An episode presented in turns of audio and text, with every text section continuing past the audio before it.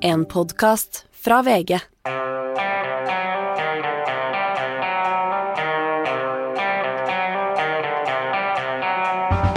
Ikke visste jeg at alle disse dagene som kom og gikk, de var uke 16. Eh, hei, Hanne. Hei, jeg trodde det var uke 14. Tida går veldig fort. Det gjør det, det gjør det. Nei, jeg, jeg trodde også det var 14, og, og vi hadde en liten diskusjon om det først, så sa det, spurte jeg hvilken eh, ukenummer er det. Jeg vet ikke, 14 kanskje, sa du.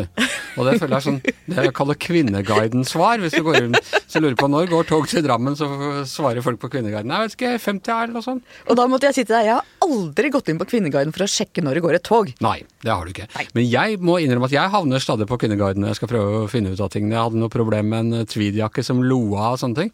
Rett i Kvinneguiden med, jeg vil si, temmelig omtrentlige råd om hva jeg kunne gjøre. Fulgte du noen av dem? Jeg, jeg skal systematisere dem litt mer, og så skal jeg, skal jeg se på det. Og så må du legge inn erfaringen da, som liksom takk for eh, hjelpa. I Eh, ja, på Manneguiden. Jeg tenkte jeg skulle opprette en manne, et alternativ. For å, så at vi menn også har et sted å, å henvende oss. Vi blir jo stadig mer stigmatisert, som du vet. Uh, menn, heterofile menn i godt voksen Ja, ja, alder. uff, guiden. ja. Jeg, I feel your pain. Ja. Og apropos det, uh, Hanne. Uh, det er fredag, og det er på tide med litt avbikt. Um, og vi skal starte med å, en sak vi som glapp for oss denne uka, rett og slett. Ja, det er litt dårlig samvittighet for den, faktisk. Uh, og litt rart, for den var høyt oppe i nyhetsbildet. Ja. Og vi sitter jo i jeg vil si, relativt omfattende de morgenmøtene vi har når vi diskuterer de forskjellige tingene. er- Men vi har ikke uh, kommentert den, vi har ikke hatt den på lederplass, og uh, vi har ikke snakket om den her i, uh, i Gjevrøy-gjengen. Det er altså Jonas Gahr Støres unnskyldning på vegne av oss alle til skeive, i anledning at det er 50 år siden det ikke lenger var eh, straffbart for menn å ha sex med menn. Og da må vi starte med å ta en unnskyldning for at vi ikke har dekket unnskyldningen til eh, ja, videre. Ja, for det burde vært, Vi burde åpenbart hatt en leder. Det er mange andre aviser som har hatt leder på det. Eh, Jeg tror det er noe med at det kom seint på kvelden, og vi eh, hadde vel den dagen Ja, men jeg sjekka det sto på NTB og sånn. Så ja, det var bare, Nei, det var sløvt. ja. En liten glipp. Ja, en liten glipp. Og, men la oss da bare ta noen ord om det. Altså den type sånne holdt på å si posthume unnskyldninger. Eh, Nå er det eh, ytterst få, eller ytterst få, men det er eh, ganske få som var voksne eh, homofile på den tiden da den lovforbudet ble opphevet. Og de, og de siste årene før det skjedde, var det eh, omtrent ingen som ble straffeforfulgt uh, for menn for å ha sex for menn. Det var mer liksom pro forma at det var forbudt. Hvor mye er en sånn unnskyldning verdt? Vi så jo særlig blant si, veteranene eh, innenfor den skeive bevegelsen at det betydde veldig mye. Det er klart særlig de som har opplevd ikke bare selve forbudet, for som du sier, det var jo ikke veldig virksomt på slutten, men stigmatiseringen og sant, Politiet ba om unnskyldning her for ikke så lenge siden, det var vel i fjor eller forfjor, for hvordan de hadde forfulgt og herja oppå Sognsvann og andre steder. Jeg tror de som har opplevd en sånn undertrykking og stigmatisering, så betyr det veldig mye at du faktisk får storsamfunnets respekt og unnskyldning, ikke minst det vi gjorde var feil. Du hadde rett. Og så er det en påminning for yngre generasjoner. Altså, jeg vokste rett og slett opp i en tid hvor vi fikk høre at homofili var en sykdom. Eh, og det var først da jeg begynte på videregående, på uh, Forsøksgym i Oslo, som, som, var, eh, som var en mangfoldig skole, at jeg traff folk som åpent sto fram.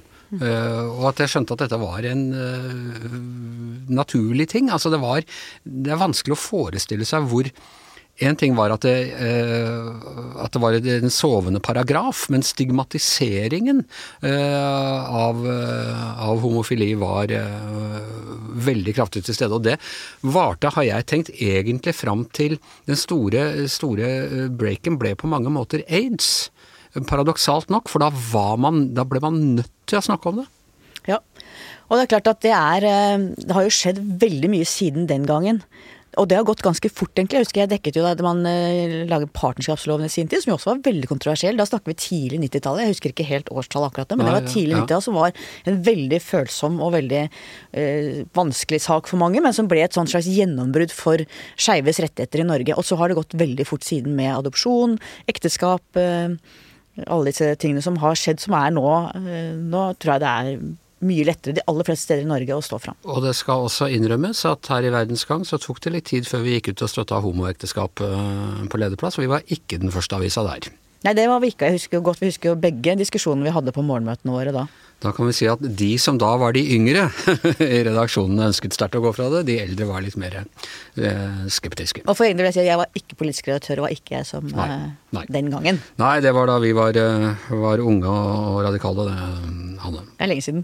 Nei da. Det er lenge siden. ok.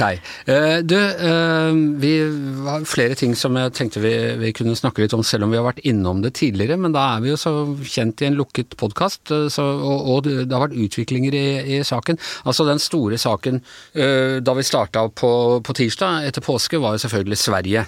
Uh, og uh, altså han derre Hva er det han heter til fornavn? Pauludan, han eh, dansken?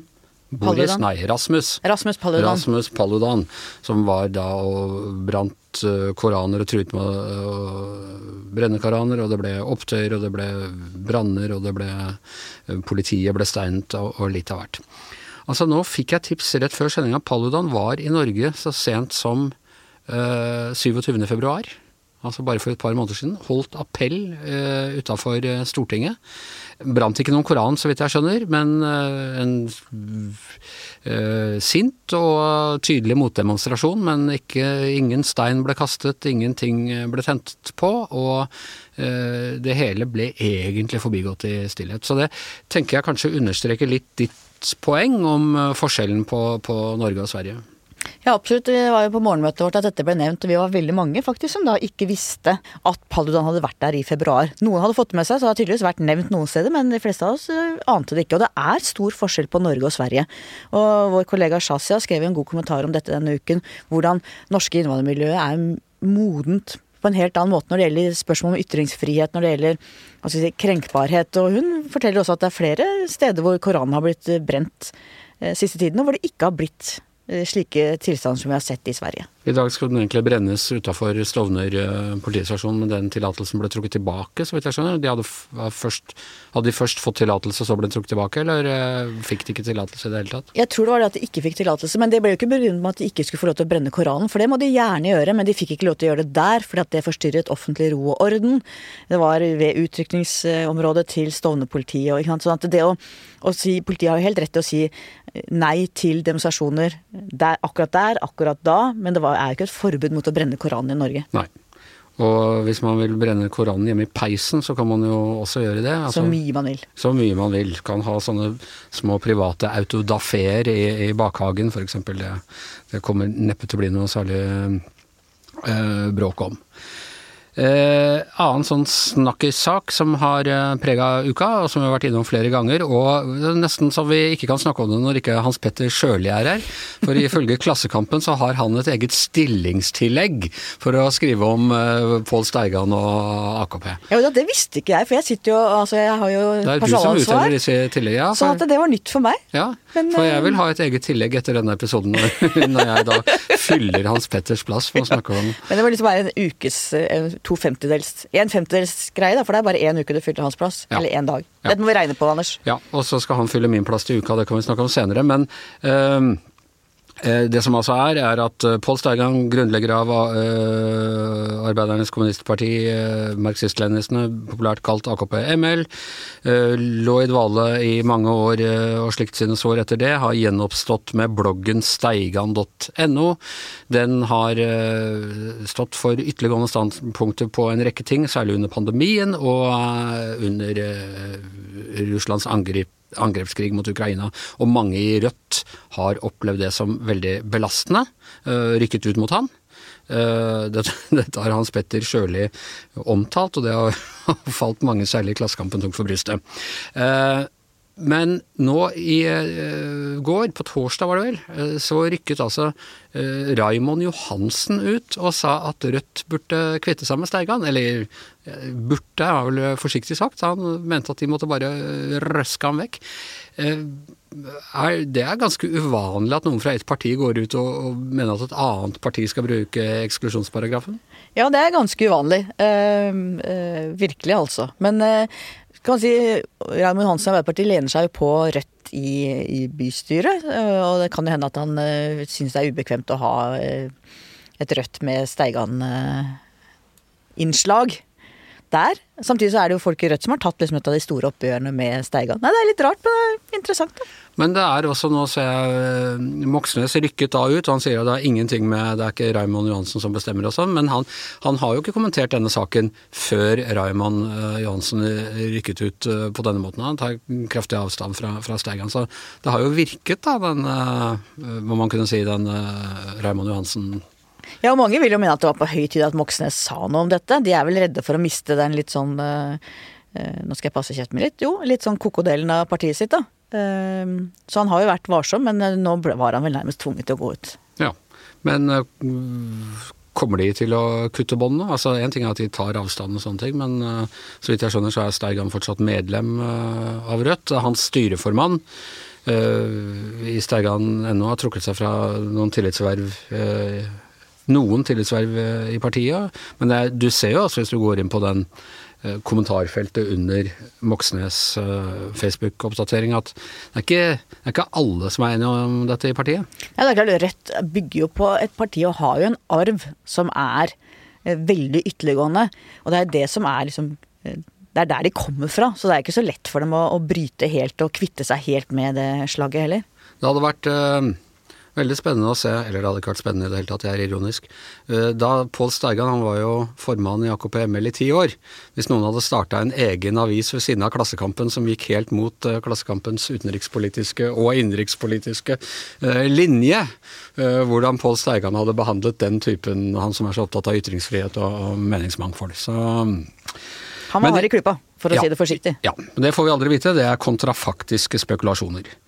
Eh, før vi går videre på, på litt utenriks- og skattesaker, Hanne. Eh, du var på en hva var det, en panelpresentasjon av Forsvarskommisjonen? Nei, paneldebatt. Forsvarskommisjonen har jo hatt flere åpne møter rundt om i Norge. Altså Forsvarskommisjonen, de skal de skal utrede hva Forsvaret trenger i mange mange år framover i tid. Den ble satt ned i desember og fikk et slags mandat. Nå skal vi liksom se på Forsvaret med nye øyne. Og så kommer altså invasjonen av Ukraina i februar. Så plutselig blir det en helt annen aktualitet, og nærmest litt sånn nullstilt eh, på hva, vi trenger, hva slags forsvar vi trenger i åra framover. Ja, og hva ble dere enige om? Dette var mer en sånn Temaet var eh, eh, bredere og eh, litt uavhengig av Ukraina. Hva blir det nå et skille? Hvordan skal Norge forholde seg til Russland og Kina som autoritære ikke-demokratiske stater opp mot den demokratiske vestlige verden? Hva betyr det for hvordan norsk forsvar skal organiseres og vår forsvarsevne? Og du skriver om beslektede spørsmål i morgen på din faste kommentar. Ja, om eh, globaliseringen i revers. At vi, det har jo vært en utvikling lenge før Ukraina-invasjonen, hvor du har sett at eh, både USA og Kina har begynt å frakoble seg hverandre både økonomisk og teknologisk. Amerikanerne vil ikke ha noe særlig kinesisk teknologi som de føler liksom kan installeres spyware og den type ting. Kina vil være uavhengig av USA med sanksjoner. Altså det, du ser en frakobling den veien. Og så ser du Russland som nå forsøker å bygge opp eh, egne finansieringssystemer. De er stengt ute av denne melding, finansmeldingstjenesten Swift. Eh, og du ser også et veldig skille. Demokratiske vestlige verden er under massivt press. Våre verdier er under massivt press. Og du kan få et skille hvor du lenge har hatt globalisering hvor alt har hengt sammen med alt. Og nå kan du se ut som du får mer blokker uavhengig av hverandre. Ja. Den nasjonale idé er tilbake. Ja, langt på vei. Og selvforsyning. Vi har jo sett sårbarheten under koronaen med medisinsk utstyr. Nå ser vi en matvarekrise under oppseiling. Så det er klart at det er, vil bli mer sjølberging og mer eh, Og kanskje også mer egenproduksjon på enkelte lands jord. Så det har en reversering, tror jeg, av globalisering som, eh, som vi kanskje ikke hadde sett komme for noen år siden. Det er spennende, og det kan dere altså lese mer om i morgen i Verdens Gang. Og da skal vi ha vår nye vignett.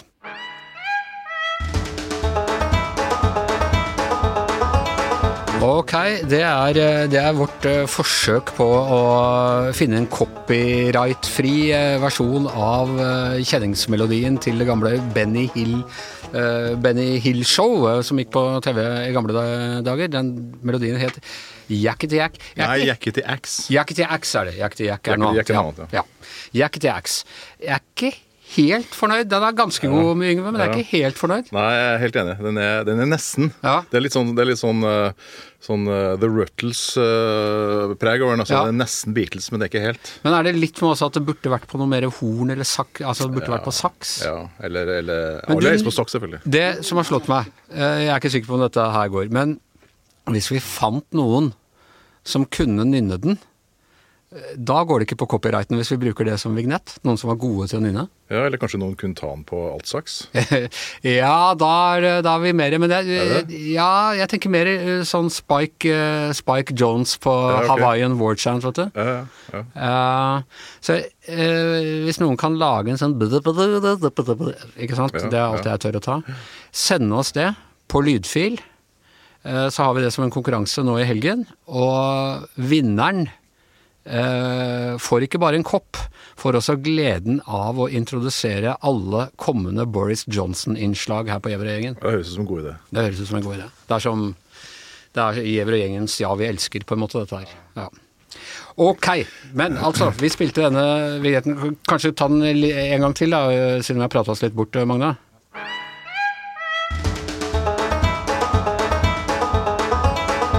Ok, dere skal da se for dere Boris Johnson i fortfilm løper inn og ut av, uh, ut av parlamentet og inn, og inn på noen koronafester og, og så, vidt, uh, så vidt han klarer å henge med. Uh, det er bråk rundt Boris Johnson igjen, Yngve.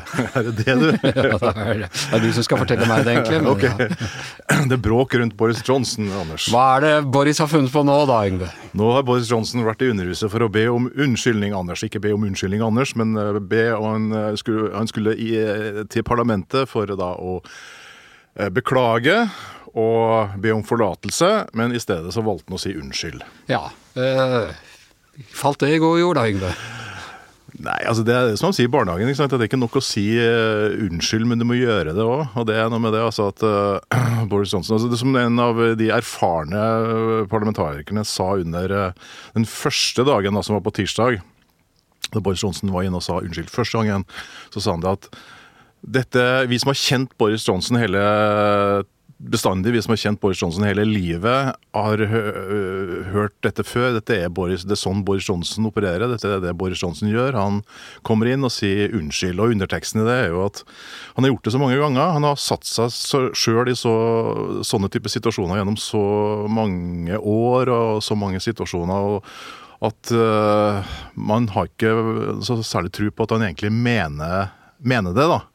Eh, for at erfarings, Det har vi jo snakka om tidligere. altså Erfaringsgrunnlaget eh, fra den ene gangen til den andre ser ut til å, å mangle. og så Derfor så er vel eh, det man forventer nå, en mer oppriktig angrende synder. da, og Det er nok litt vanskelig for Boris Johnson å fremstå som.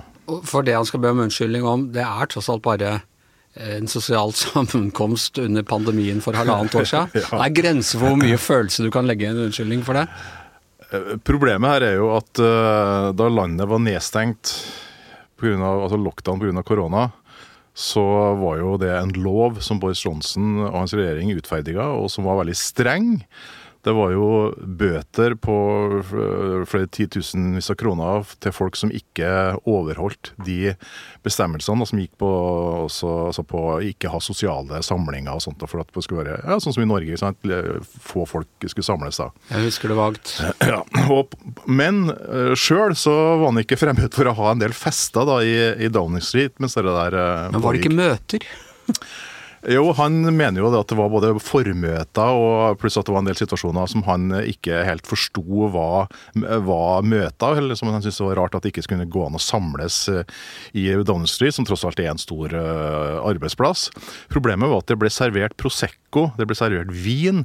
Det var til og med sendt ut folk i, med kofferter som skulle da gå ut på sånne oddbins og kjøpe, altså sånne lisensfrie butikker og kjøpe vin og smugle det inn i, i Downing Street i kofferter så det ikke skulle det synes da for pressefolk og politi som sto utafor. Liksom sånn, det minner om morgenmøtene i leder- og kommentaravdelingen. det, det, er noe med overlegget her som gjør at det er problematisk. Også er det jo noe med unnskyldninga til Boris. At han, øh, han presterte på et tidspunkt å si at han var liksom ambushed by a cake. altså han, Det var på bursdagen hans. da Altså at han ble overfalt av en, av en, kake, en kakefest som han ikke hadde forutsett. og Dermed så måtte han jo bare være med på det og ta et glass. Det var de andre som gjorde det? Det var de andre som gjorde det. Og det er jo det er også et sånn modus operandi til Boris Johnson. Og det er alltid de andres feil.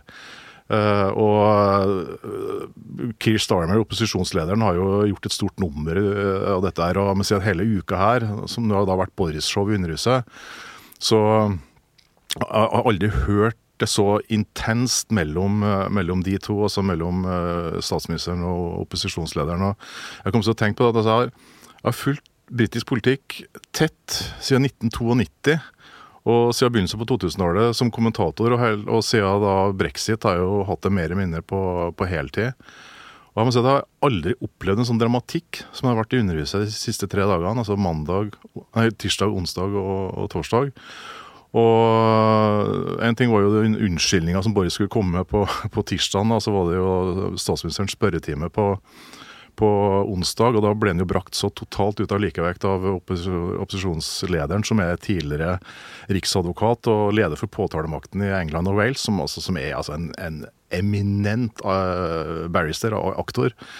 Så han klarte jo å vippe Boris fullstendig av pinnen. Og det er klart, når han da han, han evna ikke å møte det med, med politisk uh, retorikk. Han begynner å skjelle ut Starmer og, og si at han er ute av det lille vettet han har. Han, ikke sant? Så det, det bare tippa fullstendig over. Boris, Boris, jeg bare. Og så uh, kom jo da på, på onsdag ettermiddag da, så kom da forslaget fra Arbeiderpartiet, britiske Arbeiderpartiet om å Uh, om å nedsette da, en parlamentarisk undersøkelseskommisjon som da skal uh, sjekke om Boris har uh, eh, forleda Underhuset med det han har sagt tidligere.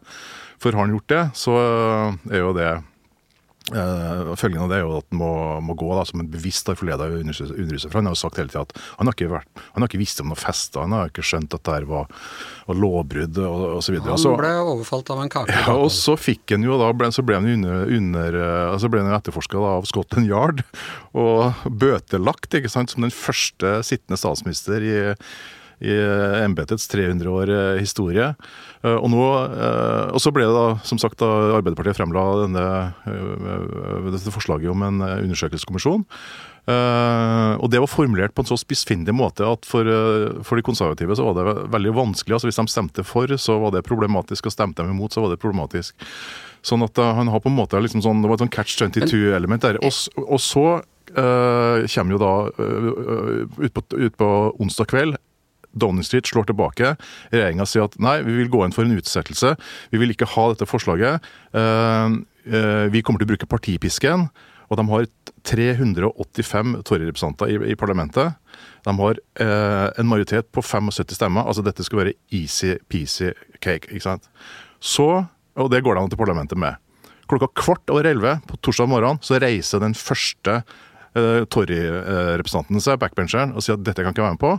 Dette er i strid med alt dette Lov og orden-partiet står for.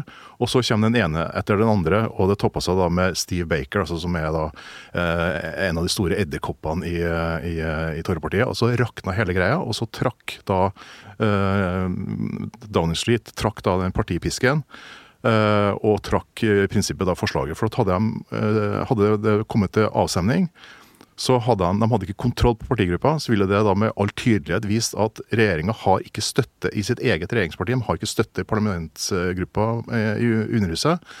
Og det ville vært en, en fadese større enn stor. Så er det, er det 2024, innen 2024 de må avholde neste så er, ja. de må begynne å tenke på hvem, eh, hvem som skal ja. Men uh, jeg har en liten følelse at vi kommer til å spille denne vignetten, og at Boris klarer seg unna denne her. Ja. og Det er jo den der Donald Duck-effekten. Han, han, lærer ingenting av hver episode, er tilbake på ny frisk. Nei, klart, og sånn som nå, sant, så er jo de to kandidatene også som var klar for å ta over, de har jo på en måte også blitt tatt med i i hvert fall den ene tatt med i dragsuget av, av Downing Street, og det er jo litt spesielt, da. altså Uh, og som en kommentator sa på Sky i dag tidlig, at uh, Downing Street er sannsynligvis den arbeidsplassen i Storbritannia for øyeblikket hvor det har blitt utferdiga flest bøter. og, og det har tilsynelatende ingen konsekvens for noen. Altså, det er klart at velgerne reagerer på dette, og det gjør de. altså Meningsmålingene er drepende for, uh, for de konservative akkurat nå. Det er lokalvalg 5. mai om to uker. De ser ut til å tape over 8 800 delegater, representanter over, eh, i, i, England og, og Wales. Uh, Boris Johnsons personlige popularitet er nå den laveste målbare som har vært. Altså Det er ikke engang Gordon Brown i stand til å matche dette. her, sånn at uh, det ser veldig veldig dårlig ut for uh, Boris Johnson akkurat nå. Jeg har en hunch at vi ikke har sett det siste av likevel. Jeg foreslår at vi avslutter med den vignetten en gang til, jeg, Magne, bare for å starte på en, nei, slutte på en sånn litt sånn positiv eh, tone. Ok, det var den. Kanskje for siste gang, hvis vi får inn noen, eh, noen eh, gode Spiller på slurva-versjoner uh, i løpet av helgen. Vi skal hjem igjen, og vi skal ha uh, sport. For i dag ble det klart at uh, John Carew er uh, tiltalt, rett og slett, ikke bare siktet, men tiltalt for grov skatteunndragelse av 5,4 millioner kroner. og at han har, så vidt jeg skjønner, Leif, han har medgitt at det har skjedd, men han mener at det da ikke er med forsett. Han, han har bare glemt eller han har, uten å mene det, unnlatt å betale 5,5 millioner kroner i skatt. Altså, det virker ikke som det er bestridt at norske skatteregler er eh, brutt. Og det som virker å være altså, forsvarslinjen fra, altså fra Carew-siden, er at han har eh, stolt på rådene fra sin eh, mangeårige advokat og rådgiver. Og, heter? Per A. Flod. Ja. Og da argumenterer han veldig tydelig med at han ikke med viten og vilje har, har, har unndratt beskatning. Og Hva sier Per Aflod til dette? Han har ikke ønsket å kommentere saken så langt. Det vil si han det han Altså, jeg vil bruke rettssalen til å si det han har på hjertet. I innledende faser så ble det jo liksom litt sånn ironisert over at det, det hele tatt var en at det var en sak, men det virker som det har forandret seg litt. I hvert fall den pressemeldingen som, eh, som ble sendt ut fra, altså fra Karevs uh, forsvarer. Så, vi, vi, altså så virker det altså som at det er enighet at han ikke er blitt beskattet på den måten han burde, han, han burde ha blitt, og, og at slaget Eh, i retten da, eventuelt da, sannsynligvis vil handle om eh, forsett, ikke forsett. Og så er det ulike paragrafer som gjelder her, avhengig om du er avhengig om vi snakker om uaktsomhet eh, og grov uaktsomhet eh, eller forsett. Og det kan jo da eventuelt ha noe å si for hvor lang straff vi snakker om. Men jeg må jo si jeg har selv jobba utenlands, betalt skatt i USA, og da jeg kom hjem så måtte jeg ha to forskjellige advokater. Jeg måtte ha én til å ta seg av skattegreiene mine, for de ville skatte meg noe inn i det vanvittige, og en til å ta med Nav-greiene. Og sier som Letterman I not the kind of guy who like to toot my own horn, men, eh, men begge de sakene ble da avgjort i min uh, favør. Det er kjempekomplisert det der med, med, å skatte i Du har jo selv også bodd i utlandet. Det er kjempekomplisert det med, med skatteregler, og det gir seg ikke på tørre møkka i, i eh, Nav og eh, skattekontoret før de liksom så kan det være en sånn altså Selv om det virker som det er eh, at du burde ha skjønt at du skulle ha betalt 5,5 millioner kroner mer i skatt, kan det være uklarhet rundt det som har ledet ham opp i det? Altså Slik jeg forstår denne saken, så er problemstillingen en litt annen. Altså det, dette handler om hvor mange dager i året du oppholder deg i Norge. Og det er jo det magiske tallet 184, er det vel? Ja. Er du 184 eller flere dager i Norge i løpet av året, så anses, altså anses, anses, du å være skattepliktig til Norge. I hvert fall slik saken fremstilles eh, fra påtalemyndigheten her, så, så høres det ut som altså at den, altså den terskelen er klart overskredet. Og jo Og hvis det er eh, slik å forstå, så, jo, så handler jo ikke da dette om eh, om kompliserte eller detaljerte skatteregler, men, men, altså, men om han faktisk ved å ha vært i Norge såpass mye. Burde ha, burde ha, forstått at han da skulle ha innberettet eh, diverse forhold til, altså til Norge. Og det er jo en, da en lang liste over en seksårsperiode av ulike former for uh, inntekter og uh, og verdier han har plassert både her og, og både der, som da Økokrim er veldig tydelig på at skulle ha vært, ha vært beskattet. Men han har betalt skatt i England? Han har betalt skatt i England, uten at det vel er kjent detaljer om uh, Yngve holder opp en lapp her hvor det står eh, Gro. og det er, altså, Gro Harlem Brundtland hadde jo også noe Var vel Frankrike hun uh, bodde i, og, og unndragelse på, på, å betale skatt i Norge. Jeg husker også noe uh, større sak med, med, Kjell Magne Bondevik og noen skatteinntekter av uh, Eller ja, skatt av bøker og sånne ting. Det er relativt kompliserte regler som gjelder, bare for å gi en liten og jeg ser Karel sier at jeg er fotballspiller, jeg er ikke, jeg er ikke skattejurist. Det ligger vel innenfor muligheten å, å misforstå disse reglene? Ja, så får vi se hvordan saken eh, forløper når den, eh, når den kommer eh, til retten. Det er ikke så veldig mye detaljer som har vært ute egentlig fra noen av, av sidene så langt. Eh, Så slik jeg leser det som er blitt kjent, så handler altså veldig mye om denne, altså denne De grensen på, på antall dager vi at, at vi så på snakker om. Og da er du måte enten innenfor eller utenfor eh, fra norsk side. Så får vi se hvilke altså, elementer nye, som eventuelt kompliserer eller nyanserer som trekkes fram. Men det som er litt interessant, er jo at det er jo to forskjellige paragrafer i straffeloven her. Det er jo en strafferamme på opptil seks års fengsel for, eh, altså for eh, forsettlig skattesvik eller hvis du, hva er det det står? Altså grov uaktsom skattesvik som regnes som grovt. Altså at du, Så kan du få opptil seks års, men du har altså For grovt må man vel si at det er hvis det er 5,5 millioner kroner, Ja. uansett om Altså, det er eh, summen, er, summen er høy. Og så, så må vi sånn, så se litt hvordan man ellers bygger, forsvar, bygger opp en forsvarslinje her. Så, men eh, jeg må Det si er at godt at du bruker sportsmetaforene her inn i jeg, det er umulig å ikke få en viss sånn assosiasjon til en annen type sak som vi har sett. Selv om det er med, som handlet om da Therese Johaug testet positivt på et anabolt steroid, så var jo hele utgangspunktet der eh, at hun hadde stolt på en profesjonell part, en lege, og bare var, og var utøver og var ikke å klandre. Er, selv om sakene er veldig forskjellige, så er det, altså, så er det likevel altså, et, et litt interessant fellestrekk, hvor det igjen altså, brukes fra en idrettsutøvers ståsted. Det at man Dette er ikke mitt ekspertisefelt. Jeg har hørt på en profesjonell uh, part. Uh, også, men, mens utgangspunktet er jo akkurat som i, altså, i dopingsaker, så har du et selvstendig ansvar for å holde kroppen ren, og det, er du selv som må sjekke. Og i, i skattespørsmål så er det jo du selv som eh, har ansvaret for hva du faktisk eh, innberetter. Vet du når saken kommer opp? Snakk om var det sommeren eller høsten, altså senere i år på et eller annet tidspunkt. Det er vel ikke berammet noen dato ennå, men eh, vi snakker vel da i ja, mens det fortsatt er plussgrader i, i 2022, har vel grunn til å tro. Ja, ok. Da kan vi, da kan vi kle oss lett for rettssaken. Yngve og jeg vi sitter her i Aloha-skjorte allerede, så vi er, vi er klare i hvert fall. Vi er i gang. Ja, det slår ikke feil. Det er vår, det blir eh, bedre vær, det er fristende å være ute, og da kommer det plutselig en haug med nye, kule TV-serier, eh, Tone Sofie. Ja, øh, og det er jo liksom Om våren så skal du liksom skru av TV-en og komme deg ut, men det er ikke så lett nå. Nei. Forleden for eksempel var sommervær i Oslo. 19 grader, og da satte jeg meg inne og så så jeg to episoder av nye sesongen av Better Call Saul, som er tilbake nå etter eh, to eller tre år, har vært borte siden før pandemien. Det tar jo litt tid å omstille vannet, det er jo det her vi har holdt på med i to år, så Det er det. det er det. Men det, er- det er virkelig, eh, virkelig mye bra for tida. Hva, hva har du sett på?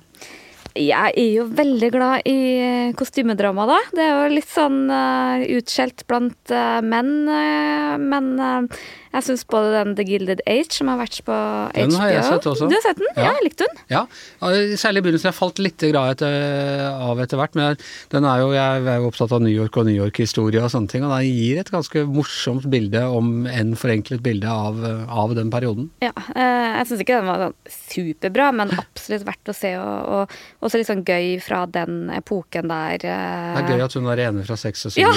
plutselig dukker opp liksom 100 ja, år og det er egentlig det jeg tenker på hele tida, for det er jo hun eh, Miranda i mm.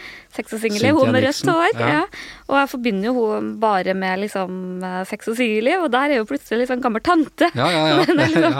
I gamle dager. Så det er liksom, her er det et eller annet som eh, skurrer, men eh, men eh, ja, nei, gøy å se. ja. Og Bridgerton, da, går Ja, den er jeg også veldig begeistra for. Jeg likte veldig godt uh, sesong én, og jeg så noen av anmelderne var liksom lunkne til den sesong to, men jeg syns den var nesten vel så bra. I hvert fall den kjærlighetshistorien der syns jeg jo er ganske sterk, da. Og så liker jeg liksom eh, de her yngre karakterene godt. Det er gøy litt hvordan de er blitt fargeblinde også. Den serien er den fremste eksponenten for det, men du ser det i større grad også i Gilded Age og sånne ting også, at de, at de bruker eh, de bruker folk fra forskjellige etnisiteter og sånne ting.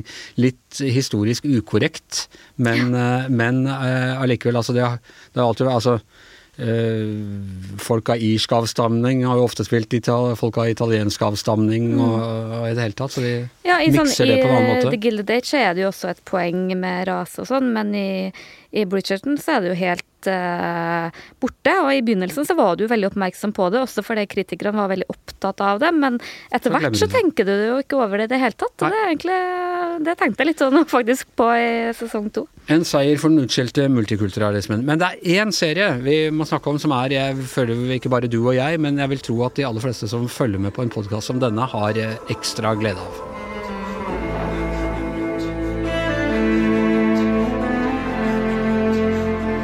Ja, du får ikke noen kopp for å gjette hvilken dette var, eh, Tone Sofie. Nei, heldigvis har jeg kopp. Du har. Nei, men dette er, en, dette er en serie vi bonder på på avdelingen. Ja, Borgen er jo det, det er jo den våte drøm for sånne som oss. Eh, Politikk, spinndoktorer, som vi til og med har hatt en egen serie om. Eh, journalister ved innsida i en redaksjon. I tillegg så er den jo også veldig sånn gode karakterer og Du liker de, altså, og disse folka har vi nå fulgt i godt over ti år.